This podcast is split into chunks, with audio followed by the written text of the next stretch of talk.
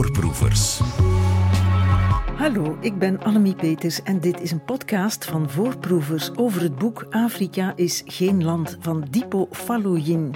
Het boek is een sneer, sympathieke sneer naar ons allemaal, de pers op kop, omdat wij over Afrika spreken en blijven spreken en schrijven in algemeenheden, in Afrikanen, alsof de 1,4 miljard inwoners van Afrika allemaal hetzelfde zijn. Politicologe Nadia Nsai heeft voor voorproevers het boek gelezen. Ik heb dat uiteraard ook gedaan gedaan. En samen hebben we het erover in deze podcast. Voorproevers. Uh, dat hij dat aanklaagt, Nadia, is niet nieuw. Hè? Uh, er bestaat uh, een site, denk ik zelf, Afrikaanse site, Africa is a Country. een Twitter-account is ook opgestart door Afrikaanse journalisten. En hij klaagt ook niet aan, deze auteur. Hij schrijft met humor, zoals we al zeggen. En jij bent een politicologe. Je bent geboren in Kinshasa, in Congo. Uh, Zaire was dat toen nog. Dan zitten we al aan 55 landen. Ja. Als we een beetje vals spelen. Je hebt gewerkt in de Senaat bij Broederlijk Delen, uh, Pax Christi. En bent nu verantwoordelijk eh, voor de culturele programma's in het Afrika Museum interviewen. Dat is ook een foute naam dan. Ja, eigenlijk is die naam inderdaad wel wat problematisch. Want eigenlijk gaat het vooral over een museum rond Congo, een beetje Rwanda en Burundi, terwijl dat we daar eigenlijk een naam aan geven en verwijzen naar een heel continent. Ja, en vroeger heette dat het Museum voor Midden-Afrika, wat eigenlijk meer klopte. Hè, dan. Ja, de officiële naam is eigenlijk nog altijd Koninklijk Museum voor Midden-Afrika. Maar natuurlijk, ja, communicatief hè, is dat interessanter om Afrika Museum eh, te gebruiken. Ja. Maar goed, Afrika over Congo dus vooral. Hè? Ja. Uh, en wat voor cultureel programma heeft het Afrika Museum? Want hè, dat doe jij dan, maar wat is dat dan? Ja, dus wij organiseren uh, filmvoorstellingen, uh, events ook rond, rond, rond boeken. We gaan waarschijnlijk ook een leesgroep doen rond, rond dit boek.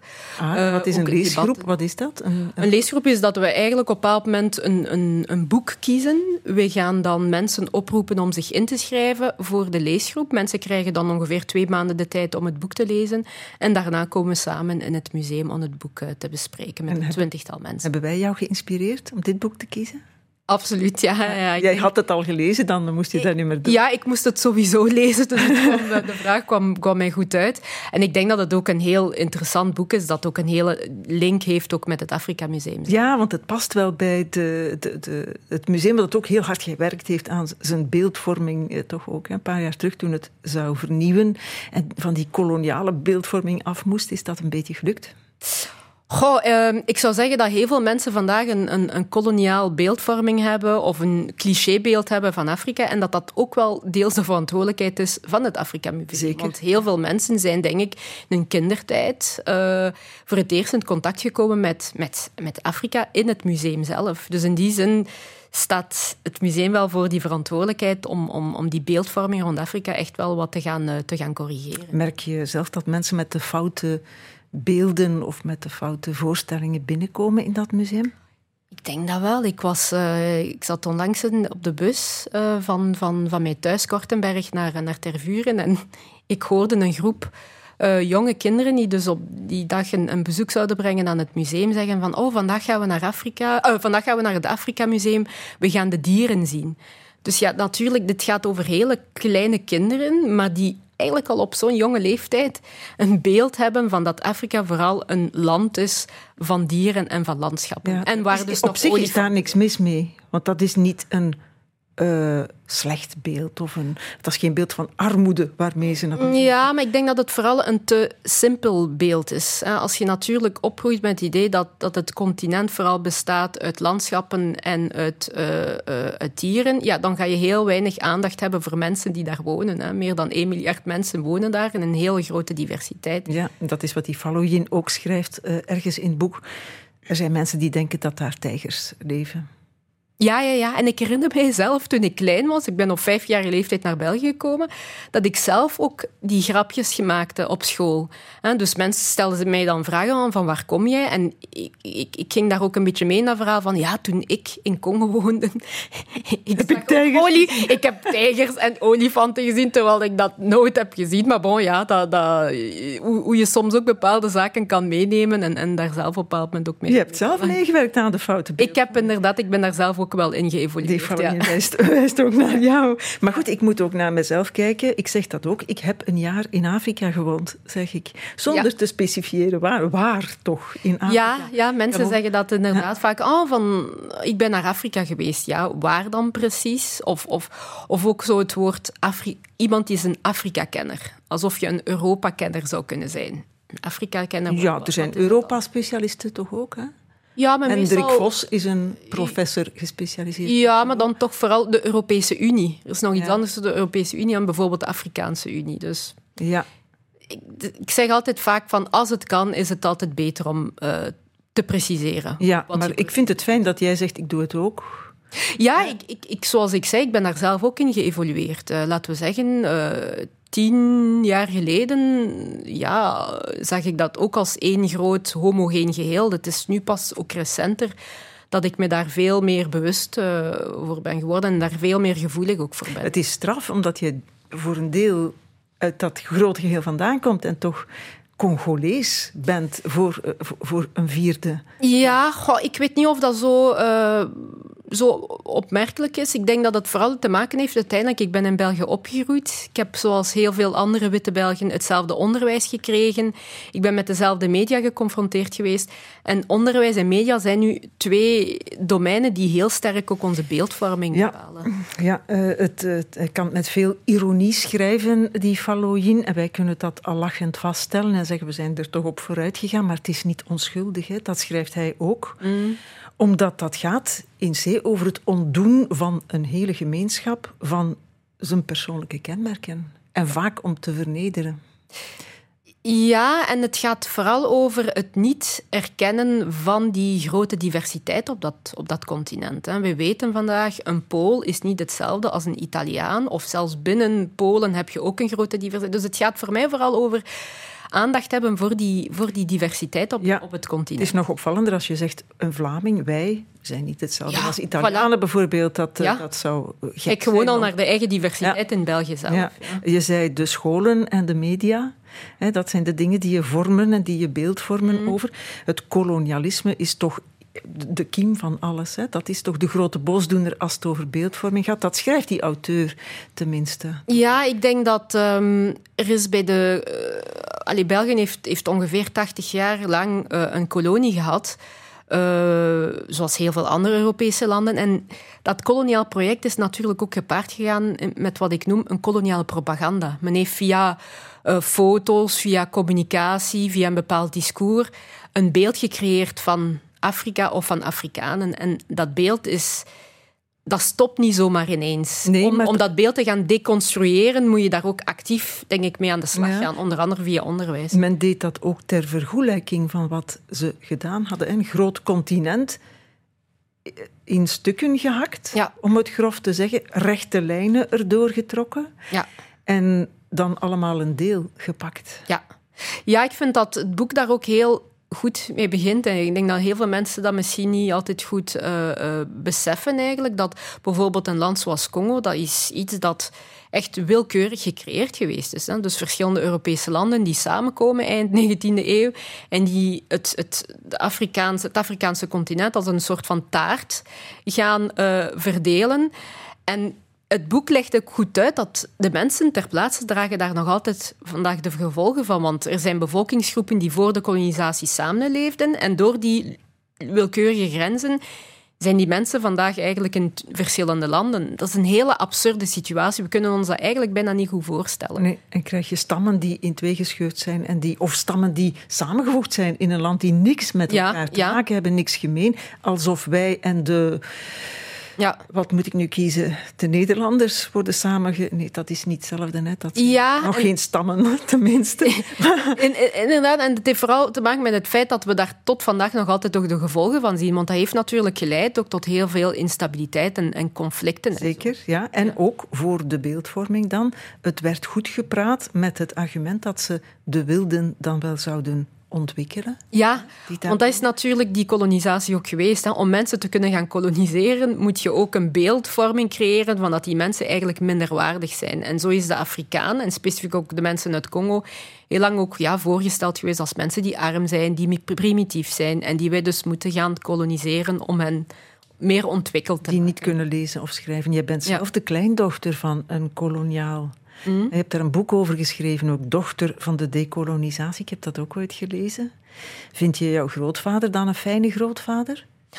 Goh, ik, uh, ik heb mijn grootvader uh, niet gekend. Um, We zijn hem hier wel de schuld van van alles aan het geven. Goh, ja, maar ik heb in het dossier van mijn grootvader ook wel wat racistische zaken ge gelezen. Dus ik denk dat hij uh, ook een kind was van zijn tijd. en dat hij zeker in, in, in Congo zich ook wellicht op, uh, op, uh, op een racistische manier heeft, uh, heeft gedragen. Maar nogmaals, laat ons niet onderschatten wat beeldvorming kan doen bij mensen. Hè. Dat, dat is dat is een, dat is een, dat is een systeem, om, om, om het zo te zeggen. En ik denk dat dit soort van boeken ook een eerste stap kunnen zijn om ons daar gewoon bewust van te zijn. Het gaat niet per se over vingerwijzen naar, naar bepaalde groepen. Nee, en om ook die kolonialen misschien niet allemaal over dezelfde kant te scheren. Dan, want dat is misschien hetzelfde als, als het omgekeerde doen. Ja, en ik denk trouwens dat, dat wanneer het vandaag over beeldvorming gaat, het gaat het is, het is niet per se alleen maar gericht naar, uh, naar oud-koloniaal. Ik denk dat, zoals ik daar straks ook zei, het museum moet daar ook heel uh, bewust mee omgaan met de beeldvorming rond, rond, rond Afrika. Ook scholen, ook media. Dus eigenlijk iedereen die een beetje bezig is met beeldvorming ja. rond Afrika, zou zich daar eigenlijk veel meer bewust van moeten ja, Maar goed, je hebt binnenkort de leesgroep hè, rond dit boek. Is, ja. is, de, is de oproep gelanceerd? Mogen mensen zich uh, Ja, mensen mogen mij contacteren via het, de website van het museum, ja. Goed. Thank you. Terwijl je ook dingen kan aanklagen met gevoel voor humor, zoals Dipo Falloyin, dat doet Nigeriaans journalist, woont in Londen en heeft een boek geschreven dat heet Afrika is geen land, over de clichés die we denken te kunnen toepassen op elk van de 1,4 miljard Afrikanen die wonen in het continent met 54 landen. Nadia en Sai en ik hebben dat boek gelezen. We waren aan het vertellen hoe Falloyin de rol van het kolonialisme heeft beschreven daarin, het gratuit verdelen van dat Afrikaanse continent, zonder rekening te houden met bestaande stammen en volkeren en gemeenschappen in landen met rechte grenzen onder België en Frankrijk en Duitsland en Portugal. We kunnen weer namen gaan noemen, Nadia. Groot-Brittannië zal ook meegedaan hebben, Italië en nog een paar meer. Met de rechtvaardiging dat wij hen dan wel het geloof en ontwikkeling zouden bijbrengen. De onkelpaters en de tante nonnekes komen ook niet, of gaan ook niet vrij uit die één keer per jaar met hun dia-show de arme kindjes kwamen tonen. Ja. Beeldvorming kan dat ook tellen. Hè? Ja, inderdaad. De missietentoonstellingen. Ik denk bijvoorbeeld ook aan de, de spaarpot, de missiespaarpot. Het, het knikkende negertje. Ja, uh, oh ja, maar dat woord ook niet zeggen. Ja, ja ik gebruik liever Sorry. niet het woord. Maar inderdaad, ik denk dat, dat dat een beeld is waar toch wel een hele generatie mee opgegroeid is. Hè? Ja. De spaarpot in de winkels. Je kan het zo bekeken. Ja, nee, dat moet ik toch nog even vragen. Die nonkelpaters die mm? ter plekke waren, en de tante nonnekes ook, ja? die zagen toch dat het beeld niet klopte. Goh, maar zij zijn natuurlijk ook naar daar vertrokken met bepaalde ideeën. En er waren ook bepaalde nonnetjes en patertjes die keken naar die Afrikaanse samenleving als samenleving die ook wat minderwaardig waren. Natuurlijk, er zijn altijd ook andere mensen hè, die wel ook iets hebben geleerd van die Afrikaanse culturen. Maar in het algemeen ja, is men naar daar vertrokken vanuit een beschavingsmissie. Wij gaan beschaven. Ja, maar die moeten toch gezien hebben dat er daar ook wel doorvoede kindjes naar school gingen, bijvoorbeeld. Zij zullen dat gezien hebben, maar uh, de vraag is natuurlijk om hier geld te kunnen inzamelen, heb je een verhaal nodig van miserie. Want Dan hebben ze gelogen. Uh, het zou, ik, ik zou eerder zeggen dat, dat, dat zij samen met andere kolonialen een vertekend beeld hebben gegeven van, uh, van die landen. Mm -hmm. Dat heet liegen. En wij maar zilverpapier sparen. Ja, zonder te weten wat daar eigenlijk precies mee gebeurt. Krijg het er nog maar eens uit. Hè.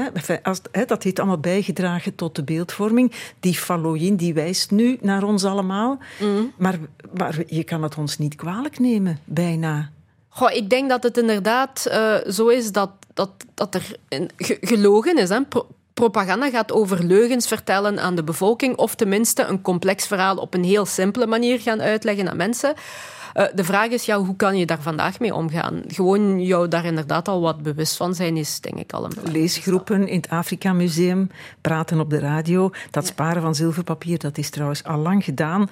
We ronselen nu op volwassen manieren geld. Ik ben Falloyin aan het napraten. Ja. Falloyin is daar ook niet content mee. Ik zal uh, zijn bezwaren eerst illustreren met een stukje uit een plaat.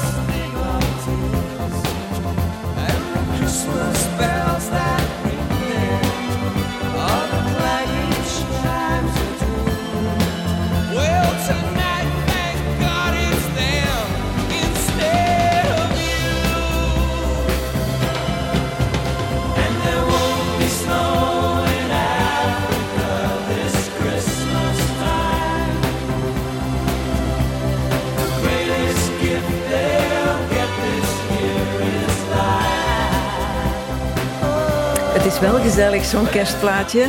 In november, nee, oktober is het nog maar. Maar Do They Know It's Christmas, zo heet het. Liefdadigheidsinitiatief van Bob Geldof, die er voor de grootste artiesten van het moment had aangetrokken. George Michael en Duran Duran. Phil Collins deed ook mee. Het nummer werd een hit, stond wekenlang bovenaan de Britse hitlijsten. 30 miljoen platen zijn ervan verkocht. En de opbrengst was meer dan 10 miljoen pond voor Afrika, waar they do not know it's Christmas time at all. Ja, bizar. Ik heb eh, wel wat familie in, eh, in, in, in Congo. En ja, zij vieren zoals eh, heel veel andere christelijke Ik mensen. denk dat er miljoenen christenen Ja. in Afrika wonen. Ja, inderdaad. Ja, ja. Ja, die Fallowin die schrijft dit nummer, dit ene nummer, leidde tot een hele beweging van door beroemdheden aangedreven activisme. Dat kon dienen om grote sommen geld van een goed geefs publiek los te krijgen. En dat alles werd bereikt, en dit is het vegen, door een beeld te schetsen van een plek die niet bestaat. Ja, ik denk dat hij. Ja, dat is misschien niet altijd fijn om te, om te horen, hè, want uiteindelijk het gaat inderdaad over liefdadigheid. Hè. Men heeft geprobeerd om, om, om, om solidariteit aan te wakkeren met wat er destijds gebeurde in het oosten van, eh, van, van Afrika, de hongersnood en zo. Maar ja, kijk, tien jaar geleden, of misschien vijftien jaar geleden, eh, ik luisterde naar dat lied en ik stond daar helemaal niet bij stil. Maar als ik dat dan nu ook naar aanleiding van het boek terug naar de teksten ben beginnen kijken, ja, dan denk je van, het is inderdaad echt Ik problematisch. sta daar toch van te kijken dat jij Ja. zegt, eh, ik stond daar ook niet bij stil, terwijl je zegt, ik heb fa- familie Ja. in Afrika. Ja, ja, maar toen inderdaad, eh, ja, ik had waarschijnlijk nog niet zo'n een kritische geest als, als, als Dat vandaag, moet zijn. Want Ja. hij zingt ook, hè, als je daarnaar luistert. Ik had eigenlijk van tevoren moeten zeggen: luister extra goed. Maar je, je kan dat eh, straks ook nog in de podcast doen. Het enige water dat er vloeit zijn tranen van verdriet. Ja, het is natuurlijk zeer dramatisch. Maar dat is natuurlijk het punt om, om, om geld te kunnen inzamelen. Wordt, zeker als het dan gaat over dit soort van, van landen of, of het continent Afrika, worden de zaken extra gedramatiseerd. Ja, Je ziet dat vandaag nog altijd ook bij de ontwikkelingssamenwerking. Maar jij hebt ook in de, ontwikkel- in, in de eh, liefdadigheidssector Ja. gewerkt, hè, voor broederlijk delen. Ja, Gingen jullie dan ook niet zo te werk met foto's van ik, magere kindjes? En, eh, ja, ik ken nu niet alle affiches nog van, van Broerlijk Delen of, of, of van je weet er vast nog één die je hebt opgeplakt. Eh, ja, ik heb inderdaad wel één, één affiche in gedachten. Maar het is nu eenmaal zo dat, dat NGO's vaak zwarte mensen gebruiken om op hun affiches te zetten. En het blijkt ook al dat kinderen het goed doen. vrouwen doen het goed. Een zwarte man bijvoorbeeld zetten op hun affiche doet het veel minder goed op, op, op vlak van, van eh, geld inzamelen en zo. Ja, maar natuurlijk, ontwi- ontwikkelingssamenwerking is ook ergens een koloniale erfenis ook. En draagt ook een bepaalde erfenis mee van, van dat koloniaal systeem. Ja, wij zijn erger dan die Fallowin. Wij wijzen ook naar iedereen om hen te beschuldigen. ja, je hebt toen niet ingegrepen Uh, ik heb, uh, denk ik wel, allee, we hebben intern wel die, die gesprekken gehad. En ik vind ook dat bijvoorbeeld die affiches, ik zie dat vandaag van Broerlijk Deling, dat die ook echt wel geëvolueerd zijn. Als ik kijk naar affiches van 10, 15 jaar geleden. Dus je ziet ook wel binnen ontwikkelingssamenwerking, men, is zich daar ook wel van bewust aan, dat men ook op een andere manier uh, beelden moet tonen en zo verder. Maar het punt is dat voor het grote publiek is het nog altijd zo dat wanneer een, een, een klein kindje op een affiche staat, dat men blijkbaar de neiging heeft om toch iets meer geld te geven. Dan aan een zwarte man bijvoorbeeld. Dan bijvoorbeeld aan een zwarte man, ja. Het is nefast, schrijft die Falloin, omdat het allemaal de clichés en de stereotypen bevestigt. Uh, daar ben je het mee eens, hè? Ja, Natuurlijk, het is ook wel zo dat er, er is ook een armoedeprobleem in, in Afrika. Dus ik ben helemaal niet aan het zeggen dat er helemaal geen probleem is van armoede of van conflicten en zo verder. Maar het continent is natuurlijk ook wel meer dan dat. dat het zou fijn zijn om meer aandacht te hebben voor die andere aspecten. Ja, want we moeten er misschien ook wel een maar aanplakken, hè, mm. die over stereotypering en gebrek aan nuance gesproken. Mm. Er zijn over Fallogin, de auteur, ook wel opmerkingen te maken voor De Vuist 2. Mm. Hij scheert alle Westerlingen ook over dezelfde kam als hij zegt uh, dat wij in clichés denken over Afrikanen. Ja, uh, maar ja. omgekeerd is ook zo. Ja, het is niet dat, dat, dat, dat alleen maar Westerlingen, uh, trouwens het Westen is ook zo weer een gigantisch gebied. Ja, maar zie... Afrikanen hebben ook clichés naar bijvoorbeeld witte mensen toe. Ja, dat, daar zouden wij ook een boek over kunnen schrijven. Daar zou je inderdaad een boek over kunnen ik heb, ik heb eerst een plaat en dan nog een veel belangrijker, maar... Ja. Dus Nadia Saai, twee opmerkingen. Twee maren hadden we bij het boek dat we net gelezen hebben. Afrika is geen land, door meneer Falloyin. Hij schrijft een boek, zei ik al, over uh, westerlingen, westerse media die een fout beeld ophangen over Afrika als één groot land waar iedereen hetzelfde is. Maar in zijn verontwaardiging scheert hij alle westerlingen ook over dezelfde kam. Zoals hij zegt dat wij met de Afrikanen doen. Daar waren we al een beetje over eens. Mm. Ja.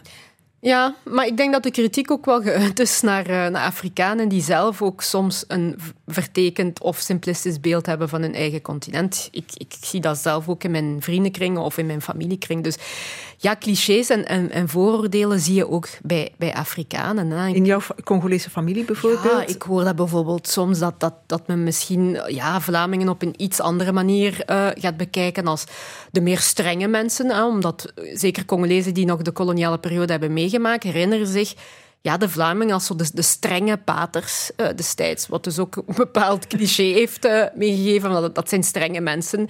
En de, en, de, en de Walen worden dan gezien als, ja, dat zijn de, de grote bazen. Hè. Soms ook misschien iets, iets meer lui dan, dan, dan, dan de Vlamingen. Dus, dat denken wij, ook, dat zeggen, denken wij ook over de Walen. Ja, voilà. Dus uh, ja, soms zit er misschien ergens een, een waarheid in, in een cliché en zo. Maar bon, ik wil maar zeggen dat, dat je dat in alle culturen ja, hebt, ja, en dat je dat kunt zeggen zeggen en proberen te bestrijden, maar mm. dat het ook des mensen is dus eigenlijk. Ja, ja. ja, uh, opmerking 2 was belangrijker, zei ik ook al. Hè. Uh, als hij uh, het beeld wil bestrijden dat wij hebben van Afrika als arm, iedereen is arm, iedereen... Um, leeft in dictaturen, daar zijn veel staatsgrepen. Dat is ook gewoon zo. Dat is ook. Er zijn ook dictaturen in Afrika. Er zijn veel staatsgrepen. Ik heb het nu voor dit gesprek even opgezocht. In anderhalf jaar tijd, sinds 2000. Zeven in Burkina Faso, Mali, Tjaad, Tunesië, mm. uh, Guinea en Sudan, die wij op tv zien. Mm. Met militairen in jeeps en met juichende mensen. Dat mm. is geen cliché, dat is echt ja, dat is inderdaad een, een realiteit dat er veel staatsgrepen zijn. Uh, maar het zou interessant zijn om bijvoorbeeld ook te gaan zien eh, hoe zit dat in, in, in Azië of in Latijns-Amerika. En wat ik ook vooral interessant vind in, in, het boek is dat hij ook toch wel wat probeert uit te leggen van hoe komt dat? Ja, Want hoe komt dat, dat dat er in Afrika meer staatsgrepen zijn? Is dat omdat Afrikanen per definitie gedoemd zijn om, om te leven in een meer uh, uh, politiek instabiel land of eh, in, in, politiek instabiele landen? Of, of heeft dat juist ook te maken met onder andere een verdeel- en heerspolitiek van bepaalde Europese westerse landen? En ik vind dat hij daar wel allee, goed op ingaat. Een andere uitleg is die eerste leiders hè, van die ja. jonge Afrikaanse landen, want we tellen vanaf de onafhankelijkheid mm. natuurlijk, mm. waren militaire leiders die hadden gevochten voor die onafhankelijkheid. Ja. Vandaar dat die meer militair waren dan regeringsleiders. Ja. dat is geen goed praten van die dictatoriale trekken. Nee, en het ging natuurlijk ook, we hebben dat gezien in Zimbabwe met, eh, met Mugabe. Het ging ook vaak over, o- over ja, vrijheidsstrijders die gestreden hebben voor die onafhankelijkheid, voor die vrijheid, maar die daarna te lang ook aan de macht zijn gebleven. En, en, en, en je ziet dat het feit dat ze ook zo lang aan de macht zijn gebleven, heeft ook vaak ook wel te maken met het feit dat ze ook wel steun hebben gekregen uit het Westen. Dus ik, ik, ik vind dat hij dat wel goed heeft uitgelegd, dat het niet alleen maar een verantwoordelijkheid is van die Afrikaanse Nee, leiders. het of is van waar. Afrika. We moeten ook naar onszelf kijken daarbij, want hoe wij Belgen omgaan met Paul Kagame in Rwanda, president van Rwanda, Ja, dat kun je ook een beetje hypocriet noemen. Absoluut. Ik denk dat wij eh, in bepaalde landen, of als het over bepaalde landen gaat in de wereld, dat wij daar zeer streng eh, voor zijn. Ah, we zien dat nu bijvoorbeeld nu met, met Rusland. Eh, maar anderzijds, als het gaat over Saudi-Arabië of over Marokko. hè. Ik heb gezien dat eh, onlangs Bart de Wever naar Marokko is gegaan om daar de samenwerking wat te gaan aanhalen met eh, het Marokkaans regime. Bon, daar is ook wel wat te zeggen over de mensenrechten schendingen in Marokko. Dus we zijn daar inderdaad zo wel wat hypocriet. Op bezoek gaan is nog iets anders, maar ja. hoe komt het dat wij zo goede banden hebben of zo goede banden onderhouden met Paul Kagame? Ja, bon, België heeft natuurlijk ook een hele, his- een hele geschiedenis ook met, eh, met Rwanda. België was een vroege koloniale heerser in, eh, in, Rwanda. En in 1994 heeft de genocide plaatsgevonden in Rwanda. Heel veel mensen, dat is nog zo'n interessant eh, voorbeeld op vlak van beeldvorm. Als je aan heel veel mensen de vraag zou stellen, Rwanda, wat weet je daarvan? Dat is de genocide. Ja, En dat is ook iets dat Ja. heel sterk in, in ja, het ja, geheugen fil- van mensen films over gemaakt. Dat is, Ja, dat is wel wat geweest. Hè? Hoe komt dat? Omdat wij, denk ik, vanuit België ons ook wel wat schuldig voelen voor wat er is gebeurd in 1994. Ja. Dus de troepen, Belgische troepen zijn destijds eh, eh, teruggetrokken. eh, door de regering De Hane destijds. En ja, wij hebben een beetje ook wel een schuldgevoel, zeker op politiek vlak. hè, van, door het feit dat die troepen zijn, zijn teruggekomen naar huis, heeft dat ook wel mee de weg geopend naar die genocide. Dus de massamoorden op de Ja. Rwandese Tutsis. En we zijn nu ook niet aan het goed praten, we zijn ook aan het uitleggen. Hè? We Ja. zijn nu weg van het boek, want dit staat niet in het boek. Hè, wat je, ofwel heb ik het overgeslagen? Ja, hij heeft wel, eh, ook wel aandacht voor versi- verschillende eh, soorten dictators in Ja, ja, Afrika. En onder andere ook Kagame. Ja. Ehm, terug naar het cliché-denken. Hè. Er zijn tegenbewegingen tegen dat cliché-denken. Hè. Meer en meer trouwens. Hè. Je hebt jouw leesgroepen in het Afrika Museum. Je hebt ook die hele discussie in België ook, die ontstaan is over de kunst die wij uit Afrika hebben gepikt, zeg maar, meegenomen. Eh, meer dan een discussie. Hè. Er is een wetsontwerp om die dingen terug te geven. Hè. Ja. Ja. Ja, inderdaad. De regering heeft, eh, of laten we het zeggen, het Belgisch parlement heeft eh, begin van de zomer een, een wetsontwerp goedgekeurd. Wat dus op zich wel echt wel historisch is, want dat betekent dat België eindelijk, eindelijk erkent dat, eh, dat kolonialen destijds dus stukken, en kunststukken hebben eh, gestolen, vaak met heel veel geweld. En die stukken worden vandaag bewaard, onder andere in het, eh, in het Afrika Museum in Tervuren. Ja, eh, ik herinner mij in het, eh, in het vuur van die discussie dat een uitspraak van Felix Tshisekedi, zoon van Etienne, eh, president van Congo, eh, die in het licht van die discussie zei: wij kunnen dat niet herbergen, al die kunst. Dus breng, breng dat nu niet allemaal in één keer terug, want ik weet er geen blijf mee. Daar kwam het op neer. Hè? Ja, en ik denk dat hij vandaag hetzelfde zou zeggen. Het is inderdaad zo dat, eh, en zeker dat blijkt ook uit de contacten die er zijn met eh, mensen die werken in musea. Op dit moment is Congo niet in staat om duizenden stukken uit België een plaats te gaan geven. Er moeten nieuwe opslagplaatsen gebouwd worden en zo verder. Maar wat zo interessant is aan de nieuwe wetgeving, is dat er eigenlijk een onderscheid wordt gemaakt eh, tussen juridisch terug eigendom gaan geven aan de Congolezen en het fysiek. Dus het zou perfect kunnen binnen de huidige wetgeving, als hier effectief ook eh, doorkomt. De koning moet het nog bekrachtigen en zo verder. Dus het zou mogelijk zijn dat die stukken in België blijven, fysiek hier, maar dat Congo wel terug eigenaar, juridisch eigenaar wordt. Ah ja, dat is een heel verschil. Het gaat trouwens niet alleen over, mens, eh, over kunst, het gaat ook over menselijke resten. hè. Ik lees dat ook in, het boek. hè. Ja. Ja, ik, en misschien is dat inderdaad iets dat, dat vandaag een beetje onderbelicht wordt in het hele debat rond de teruggave van, van roofkunst. Is dat natuurlijk Tervuren heeft een, heeft een hele grote collectie van eh, tienduizenden stukken.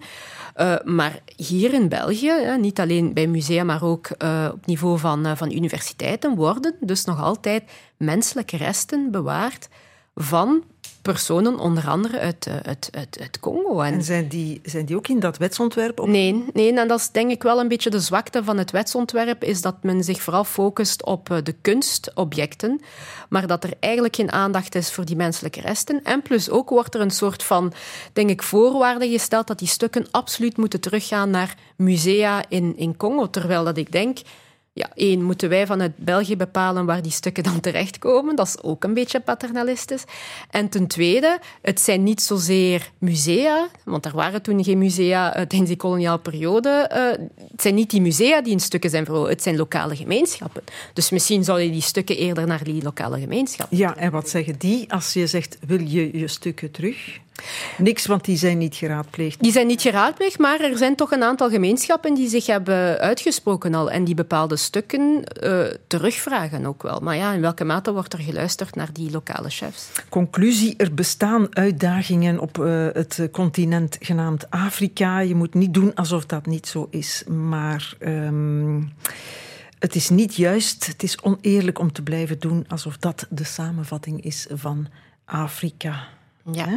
Inderdaad, ja. En, en wat hij ook benadrukt op het eind in zijn boek, we hebben niet veel tijd meer om dat zelf te benadrukken, maar dat er toch ook in Afrika alsmaar meer stemmen op staan die daar actief iets aan proberen te doen. Er zijn altijd mensen geweest daarboven die daar actief iets aan proberen ja. te doen. Hè? Want we moeten niet doen alsof tijdens het kolonialisme dat niet gebeurde. Absoluut, verzet is er altijd ja. uh, geweest. En dat is inderdaad het positieve dat het boek op die manier ook eindigt. Ik vind dat hij iets meer aandacht had mogen hebben voor uh, positieve evoluties op het continent. Maar naar het einde toe zie je ook wel het feit dat er vandaag jongeren zijn, jongerenbewegingen, vrouwenbewegingen, die in verschillende landen het heft in handen nemen en proberen om een eigen vorm te geven ook aan aan, hun, aan de toekomst van hun land en hun eigen leiders ook onder druk zetten. Want Afrikanen zijn geen uh, passieve personen. Nu ben je zelf aan het veralgemenen. Ja, maar ik ben niet per se aan het veralgemenen, omdat ik die tendensen in verschillende Afrikaanse landen zie. Dus vandaar dat ik de term okay. Afrikanen gebruik. Bij wijze van besluit. Maar ik wil me inderdaad zeggen van, kijk, er zijn mensen die opstaan, die ja. leiders onder druk zetten en die proberen om hun toekomst in eigen. Maar Afrika is geen land. Het is, en Afrikanen zijn ook hebben ook specifieke identiteiten. Zonder de ook. Dankjewel voor je komst en voor het lezen van het dikke boek Nadia en Sai. Nog even verwijzen naar de leesclub, hè, begin volgend jaar, van dat boek van Falloyin dat we net hebben besproken. Uh, wie zich aangesproken voelt, kan al beginnen lezen. In uh, Afrika is geen land. Voorproevers. Dit was een podcast van Voorproevers. Fijn dat u luisterde. En al onze andere podcasts kan u ook vinden via de app van VRT Max. Voorproevers.